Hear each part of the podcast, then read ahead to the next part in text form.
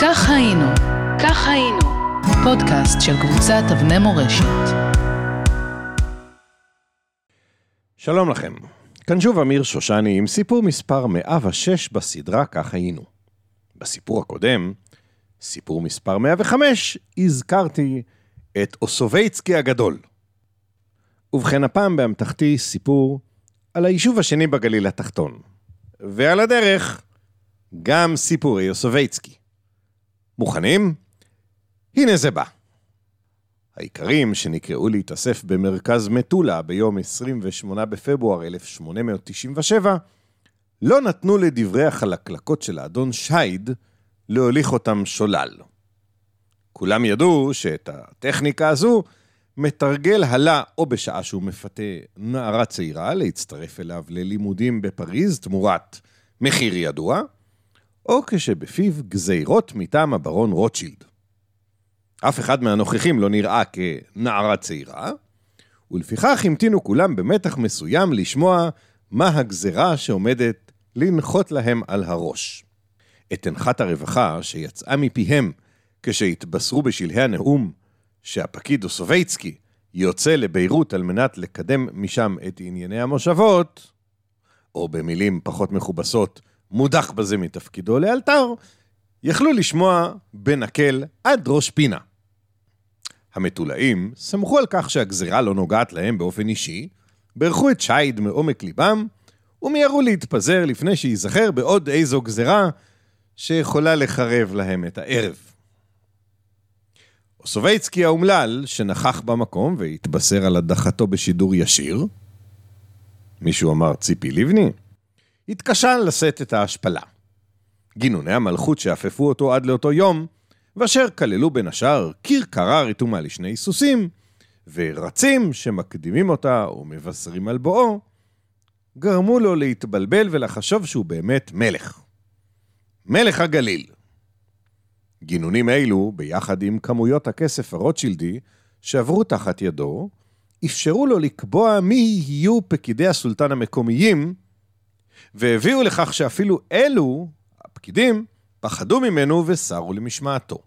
על כוחו הרב, שנצבר בעשור האחרון, העידה השבועה שהייתה מקובלת באותה עת בקרב ערביי הגליל.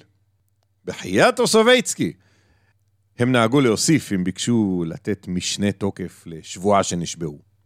כל זה, רבותיי, עמד לרדת לטמיון עם ניתוקו מפטמת הכסף הרוטשילדית, ואוסובייצקי הפעיל תוכנית חירום.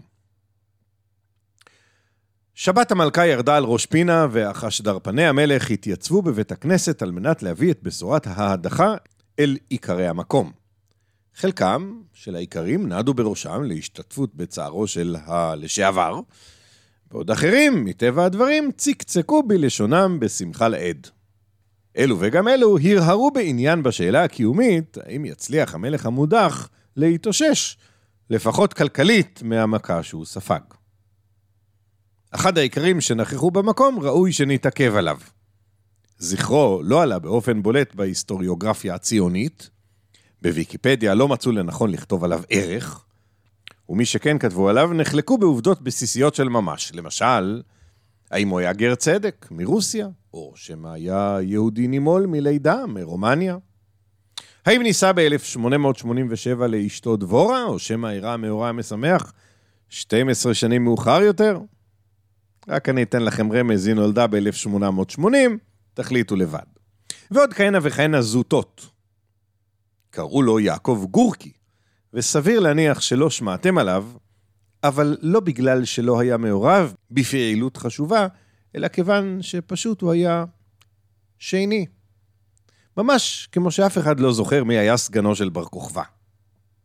כך, למרות שגורקי עלה כילד לארץ ישראל בחודש אוגוסט 1882, על גבי הספינה תטיס, בתוך קבוצה של 228 יהודים חדורי רצון להקים בארץ יישובים חדשים, הפסידה הקבוצה של גורקי לימים את התואר ראשית העלייה הראשונה בקבוצה קטנטונת של 14 איש שהגיעו לנמל יפו חודש אחד לפניהם, וחלקם אפילו לא נשאר בארץ.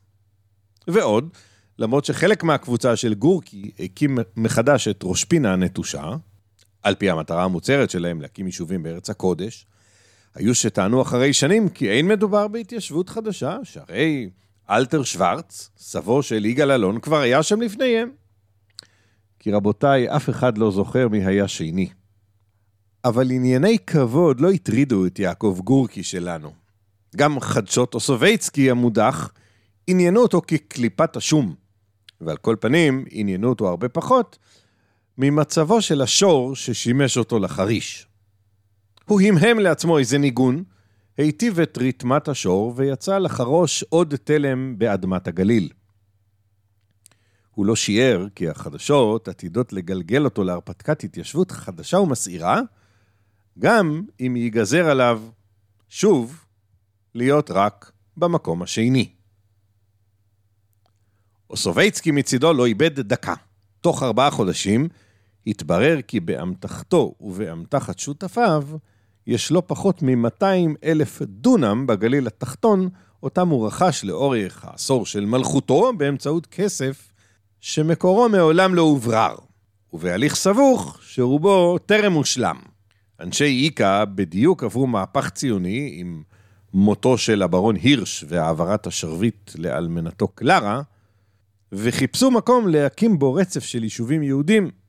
הם הורו אפוא לפקיד המקומי להיכנס עם השותפים למשא ומתן לרכישת האדמות. רצוי, הם אמרו לשליח, לא עם אוסובייצקי. תדבר עם פרנק, הוא נראה לנו הרבה יותר אמין. הם כנראה ידעו מדוע.